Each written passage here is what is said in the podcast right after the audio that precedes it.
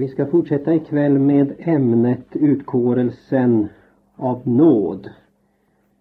Vi hade börjat med detta ämne lite grann förra gången och nu ska vi gå in på några bibelställen som ligger till grund för läran om utkårelsen av nåd. Det första stället jag ska läsa är Andra Timoteus 1 och 9. Där står det Han som har frälst oss och kallat oss med en helig kallelse icke på grund av våra gärningar utan enligt sitt beslut och sin nåd den nåd som redan för evärdliga tider sedan gavs oss i Kristus Jesus. Ni kanske minns att förra gången betonade vi att det som sker här i tiden när vi förs till tro genom evangelium och bevaras i tron då är det någonting som har sin grund i vad Gud redan av evighet har beslutat. Och i det här bibelstället så riktar Paulus uppmärksamheten på vissa ting som de kristna hade erfarit hos sig. De hade erfarenhet av att de blivit kallade, att de hade blivit omvända till tro på Kristus genom evangelium. Det är det som uttrycks med orden genom en helig kallelse.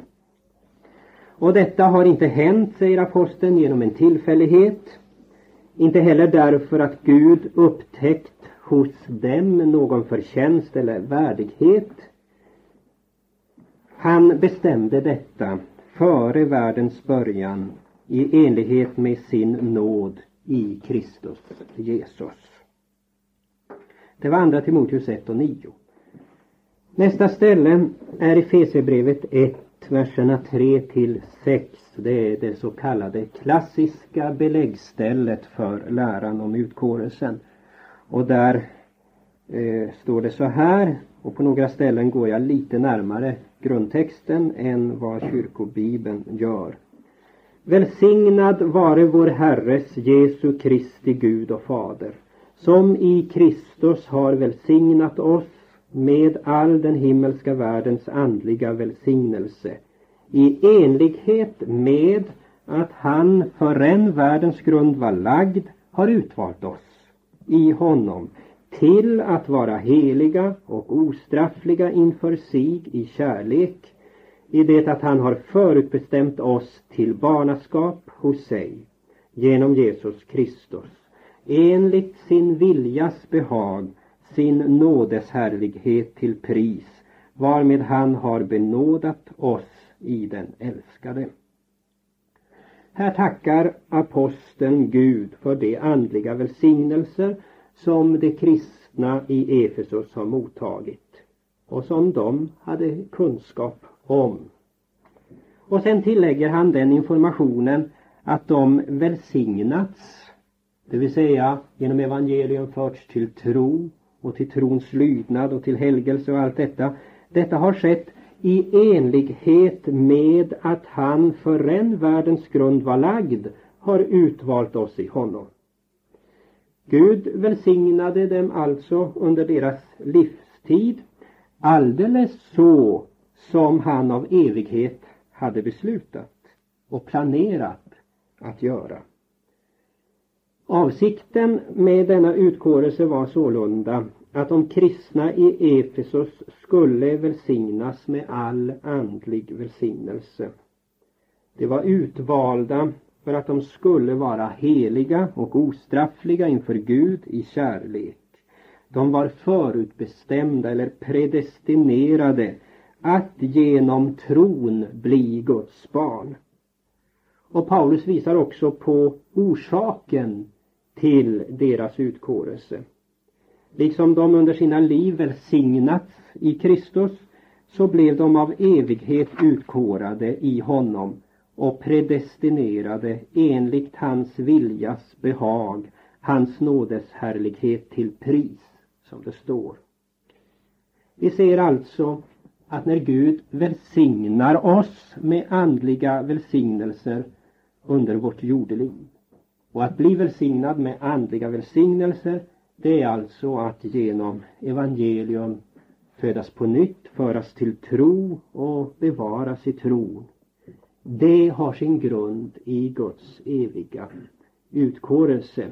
Gud utför i detta vad han har beslutat att göra för oss från evighet. Och därför är det alltså helt främmande för en kristen att på något sätt berömma sig av sin omvändelse och att man är troende hänvisar till någonting hos sig själv. Det har alltså helt och hållet sin grund i Guds nåd. Det som Gud har beslutat långt innan jag var född. Och andra texter som tydligt framställer läran om utkårelsen är bland annat Romarbrevet 8, 25 till och med 30. Vi ska strax se på den texten. Andra Thessalonikerbrevet 2 och 13 och Apostlagärningarna 13, 48. Det finns många, många fler eh, texter. Och nu ska vi summera upp då i några teser eller punkter vad Bibeln lär om utkårelsen.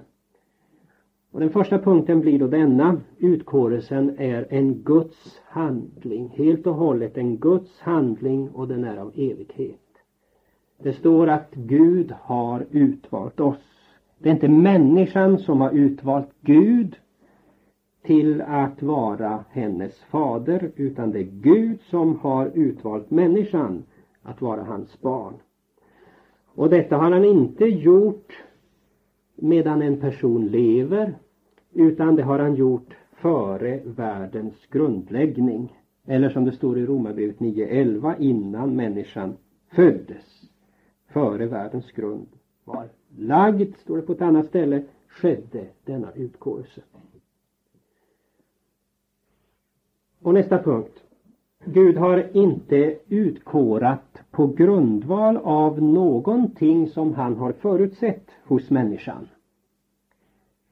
Utan utkårelsens grund är uteslutande hans nåd i Kristus Jesus. Detta framgår av andra Timoteus 1, 9, Romarbrevet 11, 6, Efesierbrevet 1, 4 och 6. Det är alltså inte så att när Gud har utkårat så har han genom sitt förutvetande tagit reda på hur vi kommer att förhålla oss och vad vi kommer att prestera en gång i framtiden. Eller när vi väl är födda. Utan när han har utkorat så har han helt och hållet lagt Kristi verk till grund och ingenting hos människan. En tredje punkt.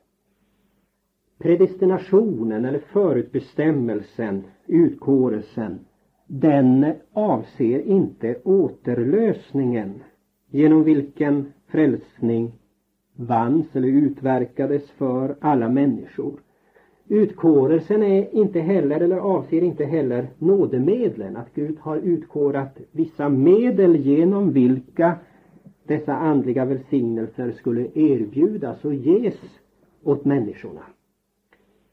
Utan föremålet för utkårelsen, när skriften talar om att utkåra och utvälja, då syftar det på människor, på individer. Gud har för en världens grund var lagd utvalt oss, står det. Inte utvalt en viss väg till salighet eller vissa medel, utan föremål för utväljelse. Det är personer. Det är oss, står det i Efesierbrevet 4, och det syftar på aposteln och de kristna i Efesus. Och i andra test 2.13 står det Gud har från begynnelsen utvalt er, sägs det om dem som kommit till tro i Thessalonika. Och i Apostlagärningarna 13.48 står det Det kom till tro så många som var beskärt att få evigt liv. Föremålet för utkårelsen är alltså människor, inte medel.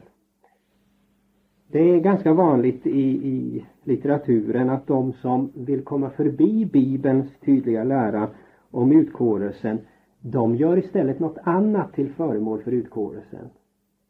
De säger att Gud har utkårat trons väg eller Gud har utkårat nådemedlen till att vara medlen genom vilka vi kommer till tro. Eller Gud har utkårat eller av evighet bestämt att genom Kristus återlösa världen. Allt detta är ju sant. Gud har bestämt att genom Kristus återlösa världen och genom nådemedlen föra människor till tro och att vägen till himlen går genom tron och inte genom gärningar. Men när Bibeln talar om utkårelsen och vad Gud har utkårat då är det alltid individer, människor som är föremål för utkårelsen, inte just eh, återlösningen eller nådemedlen eller något annat. För det fjärde, Gud utvalde, utkårade, kallade ut ur någonting. Det betyder alltså att utkårelsen omfattar inte alla människor. Det ligger i själva ordet, i själva uttrycket. Gud valde ut ur den stora mängden, utkårade, valde, tog ut ur den stora mängden. Utkårelsen omfattar inte alla. Det är alltså en, en motsägelse i själva termen om man, när man talar om en allmän utkårelse. Det är frågan om ett utväljande, ett utkårande. Och det är frågan om vissa bestämda individer. Bibeln säger Matteus 22.14 Många är kallade men få utvalda. Och vilka dessa utkårade personer är Ja, det vet vi inte i förväg.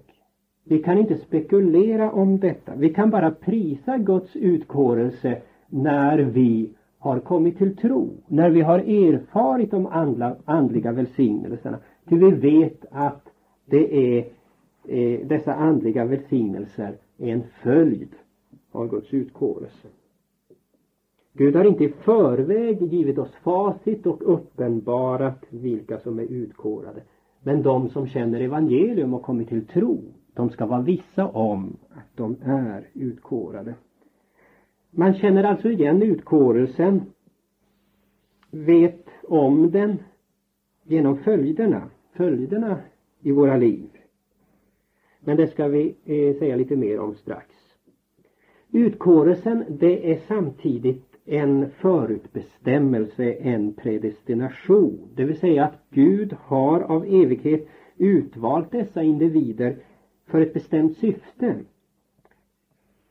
Och han beslöt att det syftet skulle förverkligas hos dem. Och vad för ett syfte? Vad har han bestämt dem till? förutbestämt dem till? Jo, till att komma till tro till att komma till trons lydnad, till att bli Guds barn. Vi ska strax se hur Bibeln uttrycker det. Gud beslöt och bestämde från begynnelsen vad han skulle göra för dem sedan de fötts in i denna världen.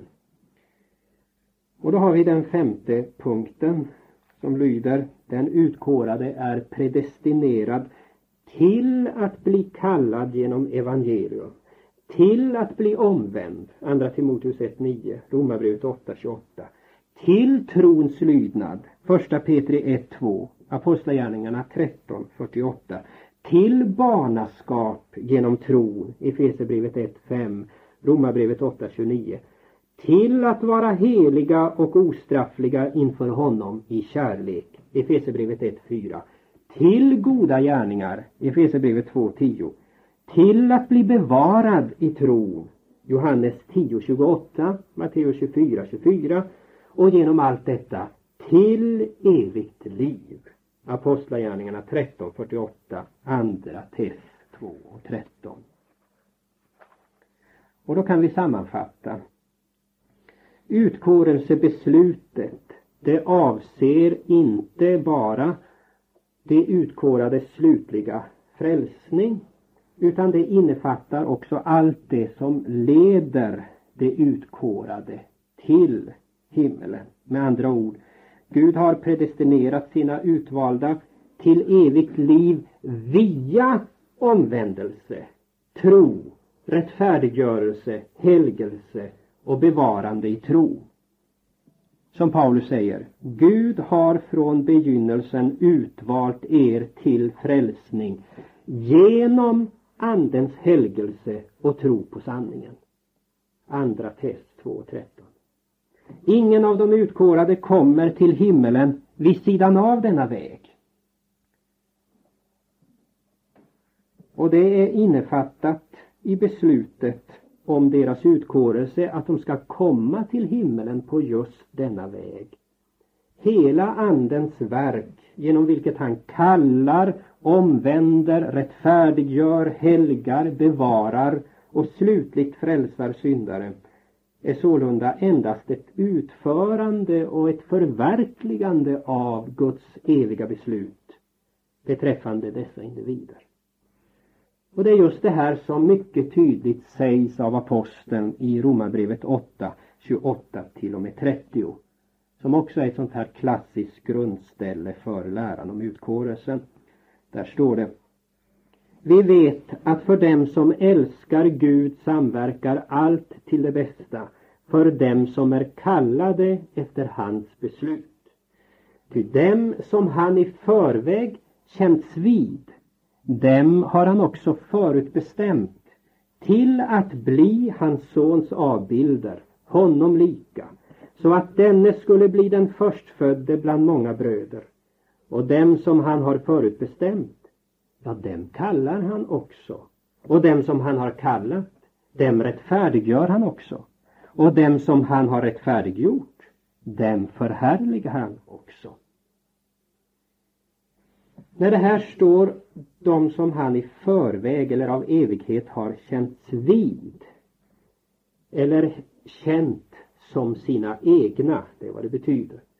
Då är det alltså inte frågan om det som somliga ibland tror att det är de som han i förväg vet något visst om, nämligen vet att de kommer att avgöra sig eller förhålla sig rätt till Guds nåd.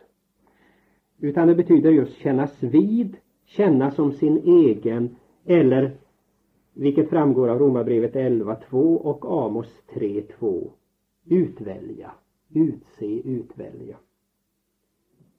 I Matteus 7.23 och Lukas 13.27 framgår det, av dessa ställen framgår det att det är frågan om att känna som sin egen eller att utvälja. Och textens mening är alltså denna. Dem som han känt som sina egna eller utvalt, dem predestinerade han. Och dem som han predestinerat, dem kallar han genom evangelium. Dem rättfärdiggör han genom tron och dem förhärligar han också slutligen i himmelen. Ingen enda av dem uteblir. Och i våra bekännelseskrifter står det så här i Concordieformen artikel 11, bekännelseskrifterna sid 661. Gud har i detta sitt beslut, sin plan och ordning, icke blott i allmänhet berett saligheten, utan han, han har också i nåd tänkt på alla och en var av de utkårade, som genom Kristus skall bli saliga, utvalt dem till salighet och bestämt att han på det sätt som nu angivits genom sin nåd, sina gåvor och sin kraft vill föra dem därhän samt hjälpa, understödja, styrka och bevara dem. Och eftersom de utkårade har utvalts till omvändelse och till tro och genom detta till salighet så är det uppenbart att en person inte kan utkåras under hänsynstagande till, under aktgivande på eller på grund av hans tro. Det som uttrycks med termen intuiti, fidei. Det är inte bibliskt. Tron är inte orsaken till att en viss individ blir utkårad. Utan det är tvärtom. Det är utkårelsen som kommer först. Det är tron, det är om, omvändelsen som är en följd av hans utkårelse. Det står i Apostlagärningarna 13.48 Det kom till tro så många det var beskärt att få evigt liv. Det vill säga ingen av dem som kom till tro kunde säga att det berodde på att de först hade presterat någonting. Den troende kan bara berömma sig av Guds oförtjänta nåd. Att ha blivit för till tro. Och då kommer vi in på rubriken att känna till sin utkårelse eller, eller ha kunskap om att vara utkårad.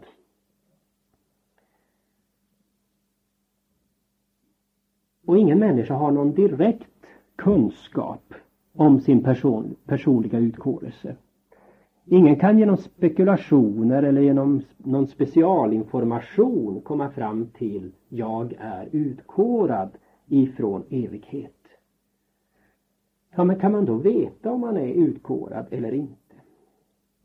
Ja, enligt skriften så kan man få kunskap om att vara utkårad. Och den kunskap som endast den troende kan ha.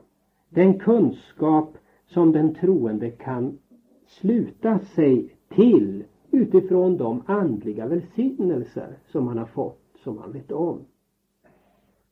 Så gör vi ju ofta med många saker som vi inte vet. Men av verkningarna så sluter vi oss till vad som är orsaken. Vi har kanske inte sett eller hört att det regnade under natten. Men om vi på morgonen finner marken genomblöt, då drar vi den slutsatsen att det måste ha regnat. På samma sätt så har vi ingen direkt kunskap om att vi är utkårade. Men vi har en erfarenhetsmässig kunskap genom att vi lärt känna följderna av utkårelsen i våra liv. Nämligen de andliga välsignelserna i Kristus. Och av dessa bör vi dra den slutsatsen att vi har utkårats till dessa välsignelser av vår tro på Kristus som vi nu har så drar vi den slutsatsen att vi inte ska förgås utan vi ska ha evigt liv. Johannes 3 och 16. Och av samma tro bör vi också sluta oss till att vi var bestämda till evigt liv. Apostlagärningarna 13.48. De kom till tro som var bestämda till evigt liv. Och tron på Kristus det är någonting som man kan ha kunskap om. En del människor blir så oerhört fromma eh, i en liksom egendomlig ödmjukhet att de säger nästan så här, ja jag vet inte riktigt om jag är en troende men jag hoppas det. Därför att det är fint att, att, att vara ödmjuk men inte den formen av ödmjukhet, är inte fin. En kristen vet om man tror eller om man inte tror. Paulus säger, jag vet på vem jag har kommit till tro. Så står det ordagrant, inte jag vet på vem jag tror, utan det står perfekt om jag vet på vem jag har kommit till tro. Andra Timoteus 1 och 12. Och den kristne vet ju också hur han har kommit till tro. Hur han har blivit troende. Det är ju bara genom Guds nåd. Jag kan inte förklara det genom att jag har varit bättre än de andra som inte har kommit till tro. En Guds gåva är det. Inte av gärningar för att ingen ska berömma sig.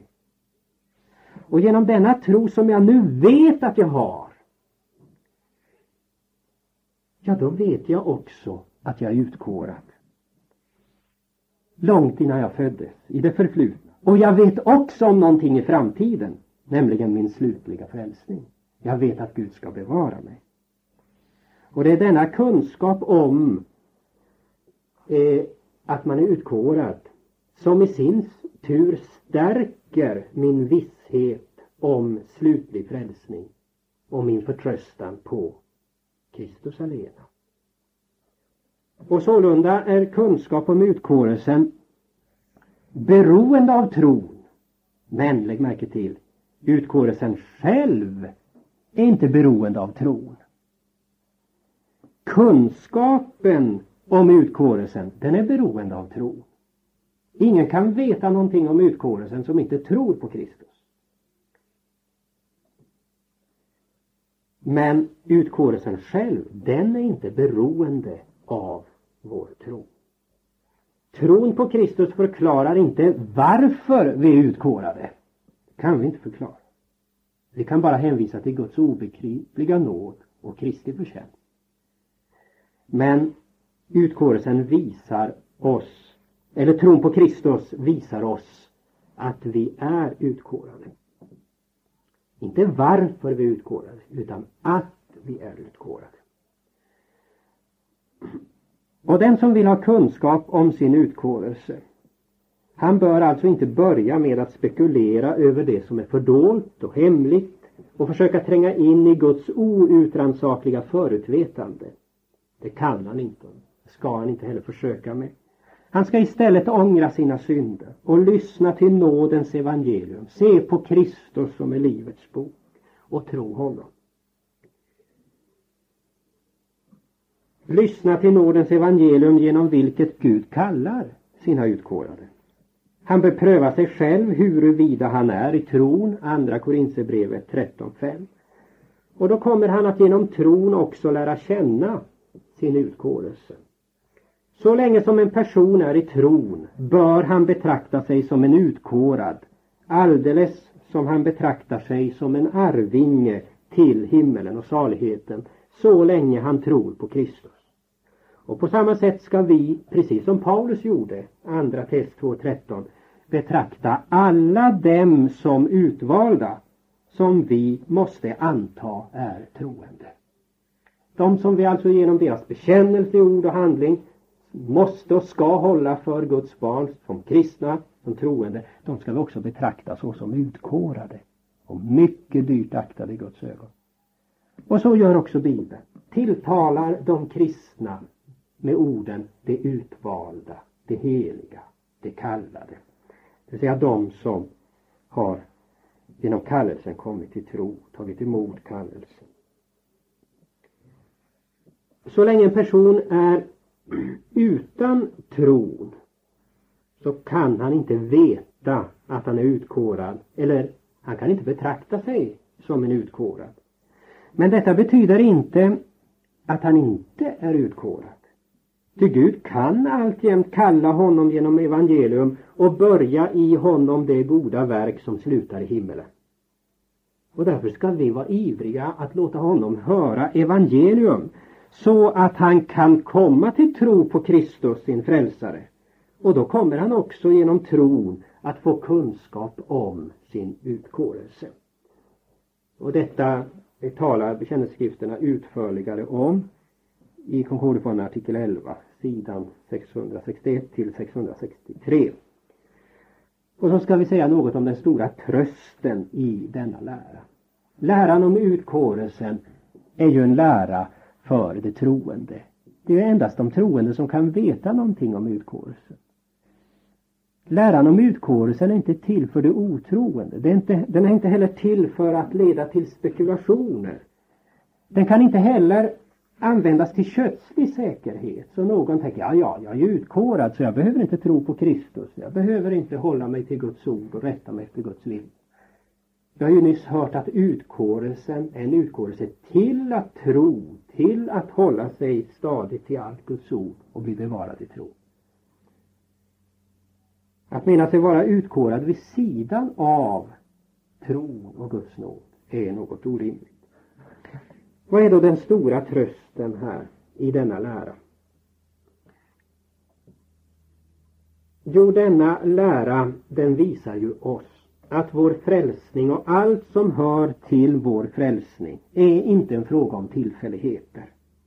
Inte heller från vår sida en, eh, en fråga om ett personligt val, en personlig avgörelse att det är vi som har utvalt Gud. Precis som Kristus säger, ni har inte utvalt mig, utan jag har utvalt er. Det är inte något som kommer till stånd genom vår vilja och vår strävan, Romarbrevet 9.16. Eller genom någon personlig förtjänst aldrig så liten, Romarbrevet 11.6. Det är en Guds allvarliga angelägenhet. Det är Gud som har beslutat den före världens början. Det är Gud som noga har planerat den och i sitt hemliga rådslut bestämt hur han skulle föra oss dit och bevara oss däri. Det kan ju för oss se ut som tillfälligheter att den personen fick höra evangelium, att den personen kom till tro. Men det är inga tillfälligheter. Och eftersom detta Guds rådslut inte kan fela eller göra som intet så är vi därigenom förvissade om vår slutliga salighet. Och så här står det i våra bekännelseskrifter, KK-reformen artikel 11, sidan 665. Denna lära skänker oss också den sköna och härliga trösten att varje kristen människas omvändelse, rättfärdighet och salighet legat Gud så varmt om hjärtat och att han så uppriktigt menat något därmed och att han förrän världens grund var lagd hållit rådslag därom och i sitt beslut bestämt att han ville föra mig därtill och behålla mig däri. Likaså att då vår salighet lätt genom svagheten och ondskan i vårt kött kunde glida ifrån oss eller genom djävulens och världens våld och list kunde ryckas och tagas ur våra händer. Han velat bevara den så tryggt och säkert att han bestämt den i sitt eviga beslut som icke kan ryggas eller upphävas och lagt den i förvar i vår frälsare Jesu Kristi allsmäktiga hand, varur ingen skall kunna rycka oss. Johannes 10. Här hänvisas alltså till Johannes 10, 28. Ingen ska kunna rycka dem ur min hand. I skriften blir vi också förmanade, vinnlägg er om att göra er kallelse och utkårelse fast. Andra Petri 1.10. Vad betyder det? Jo, ingen ska tänka att eftersom han är i tron idag och därigenom viss om sin utkårelse så kan han nu strunta i både det ena och det andra, överge evangelium, till och med förlora tron och leva i synd och alltjämt betrakta sig som en av de utvalda som ofelbart ska bli salig. Nej, vi finner tröst i vår utkårelse endast medan vi är i tro. Och för att därför göra vår utkårelse fast, vinnlägg er om att göra er utkårelse fast, det vill säga fast för oss själva, så måste vi vara angelägna om att förbli fasta i tro. Vår utkårelse är ju inte fast om vi förlorar tro. Då ser vi inte vår utkårelse. Det är vår utkårelse borta. Därför måste vi vara angelägna om att förbli fasta i tron och för det ändamålet så måste vi vara angelägna om att bruka Guds ord, bruka nådens medel, det medel genom vilka Gud försäkrar oss om sin nåd och därigenom om vår utkårelse. Läran om utkårelsen kan alltså inte leda till kötslig säkerhet. Då har man helt missförstått den och missbrukar den. Utan den leder till att vi ska med iver bruka de medel som uppehåller vår tro.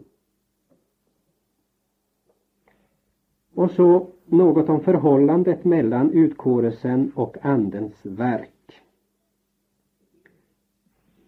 Den heliga Andes verk genom vilket vi har förts till Kristus och till frälsningen. Det är ju uppfyllelsen och fullgörandet av Guds eviga utkårelse av nåd. Och det är sålunda ett ytterst nära förhållande mellan dessa två. Så nära att en felaktig lära om Andens verk resulterar i en felaktig lära om utkårelsen. Synergister, de lär att människan kan göra något till sin omvändelse. Medverka något, något litet till sin omvändelse. Och därav följer att de också lär att människor utkåras under beaktande av detta något som de kommer att bidra med. Det vill säga att Gud genom sitt förutvetande har beaktat detta något. Det är det som vi kallar för intuitiv fidi. Så ser vi hur en falsk lära i det ena stycket slår igenom i det andra här. Och kalvinismen lär att många är förutbestämda till evig död. De lär alltså i strid med Bibeln en dubbel predestination. Att somliga är förutbestämda till evig död. Vilket ju är falskt. Och därav följer att de också lär att den heliga Ande inte avser att frälsa alla människor, inte allvarligt vill frälsa alla människor, vilket ju strider mot Guds ord. Den som korrekt förstår och tror det som bekänns i Luthers förklaring till tredje trosartikeln, nämligen att vi har kommit till tro inte genom vårt eget förnuft eller vår egen kraft, utan endast genom Guds nåd, genom Andens verk, genom evangelium. Ja, den människan har ju ingen svårighet att förstå och tro att det som den heliga Ande gör för att föra oss till Kristus och genom tron till himmelen, det har Gud planerat och beslutat att göra för oss redan från evighet. Och så till slut ska vi precisera då hur de motsatta lärorna, eller de falska lärorna om utkårelsen eh, uttrycks. Vi har då först kalvinismens lära. Den lyder så här. Genom Guds beslut och för att manifestera sin ära är somliga människor och änglar predestinerade till evigt liv och andra förutbestämda till evig död. Detta är ett direkt citat ur Westminster Confession. Men Bibeln känner inte till någon sådan predestination till evig död. Tvärtom lär Bibeln att Gud vill att alla människor ska bli frälsta. Första Timoteus 2.4. Och att det är människans eget fel om hon går förlorad. Matteus 23, 37. Ni har icke velat. Så har vi då synergismen. Synergisten, han vill hålla fast vid att Guds nåd är allmän till skillnad mot kalvinisten. Han håller fast vid att Guds nåd är allmän precis som återlösningen är allmän. Men samtidigt som han gör det så lär han att det måste finnas någonting hos människan som gör att vissa blir utkårade och omvända och inte andra. Det måste finnas någonting hos människan som påverkat Gud att utkåra den ene framför den andra. Och det är det som man vill få fram genom uttrycket intuitiv fidei. Det vill säga att Gud genom sitt förutvetande har givit akt på människans gudsförhållande, människans tro eller hållning och på grund av om hållningen var rätt utkårat henne. Detta är obibliskt och det bär vittnesbörd om synergismens försök att förklara utkårelsen med att det föreligger en skillnad hos människorna. Enligt Bibeln är alla människor före den nya födelsen, före omvändelsen, lika syndiga, lika andligt döda, lika andligt blinda, lika kötsliga och fientliga mot Gud. Det finns ingenting hos dem som kan förklara att de får liv. Det kan vi endast förklara med att hänvisa till livgivaren, till Guds stora nåd att han har uppväckt en andligt död till andligt liv. Och det som då sker, det var redan från evighet bestämt. Och denna utkårelse från evighet, den är helt och hållet av nåd. Nu får ju det mänskliga förnuftet problem som vi har sagt förut. Det kan inte harmonisera dessa Bibelns båda läror. Alltså dels att Gud av nåd för Kristi skull vill att alla människor ska bli frälsta och dels att Gud av nåd för Kristi skull av evighet har utvalt få till salighet. Många är kallade men få utvalda. Inte heller så ska människorna försöka harmonisera dessa båda läror. Vi kan bara upprepa vad Gud så tydligt och klart har uppenbarat för oss i sitt ord. Och vi ska inte spekulera över det som är fördolt. Den fördolda visdomen som Gud har reserverat för sig själv. Gud har inte uppenbarat för oss allt som han vet. Allt han gjort och avser att göra för vår salighet. Och skälen till att han gör si eller så. Han har inte uppenbarat för oss den hemligheten som vi läser i Augsburgska bekännelsens femte artikel eh, där det talas om att Gud ger tron, omvänder, när och var det behagar Gud. Vi skulle vilja veta det och vilja föreskriva Gud att nu är du så god att du omvänder människor. Här har jag stått och predikat evangelium. Det är klart att människor då ska tro. Vi skulle vilja säga att nu ska det ske, där ska det ske, med dem ska det ske. Men detta är för oss för då. Vi har uppdraget att föra ut evangelium rent och klart och oförfalskat. Men det är Gud som omvänder människor när och var det behagar honom. Inte när det behagar oss, utan när det behagar honom. Och det han då gör, ja då förverkligar han någonting som han redan av evighet har beslutat. Så att vi kommer för sent med våra gärningar. Gud har uppenbarat i Bibeln för oss det vi behöver veta. Precis så mycket som han vill att vi ska veta och så mycket som vi behöver veta om frälsningen genom Kristus. Gud tillfredsställer inte vår nyfikenhet rörande hans hemliga rådslut. Och därför säger vi med Paulus, och så bör varje kristen säga inför denna djupa hemlighet. O, vilket djup av rikedom och vishet och kunskap hos Gud. Hur outgrundliga är icke hans domar och hur outrannsakliga hans vägar. Romarbrevet 11.33 Och så vill jag till sist ge ett par litteraturhänvisningar. Först och främst till våra lutherska bekännelseskrifter, Concordieformen artikel 11. Den är ganska lång. Eh, den eh, längre delen av Concordieformen den består av två delar. Nu finns det ett sammandrag av artikel 11 som har publicerats i Biblicum.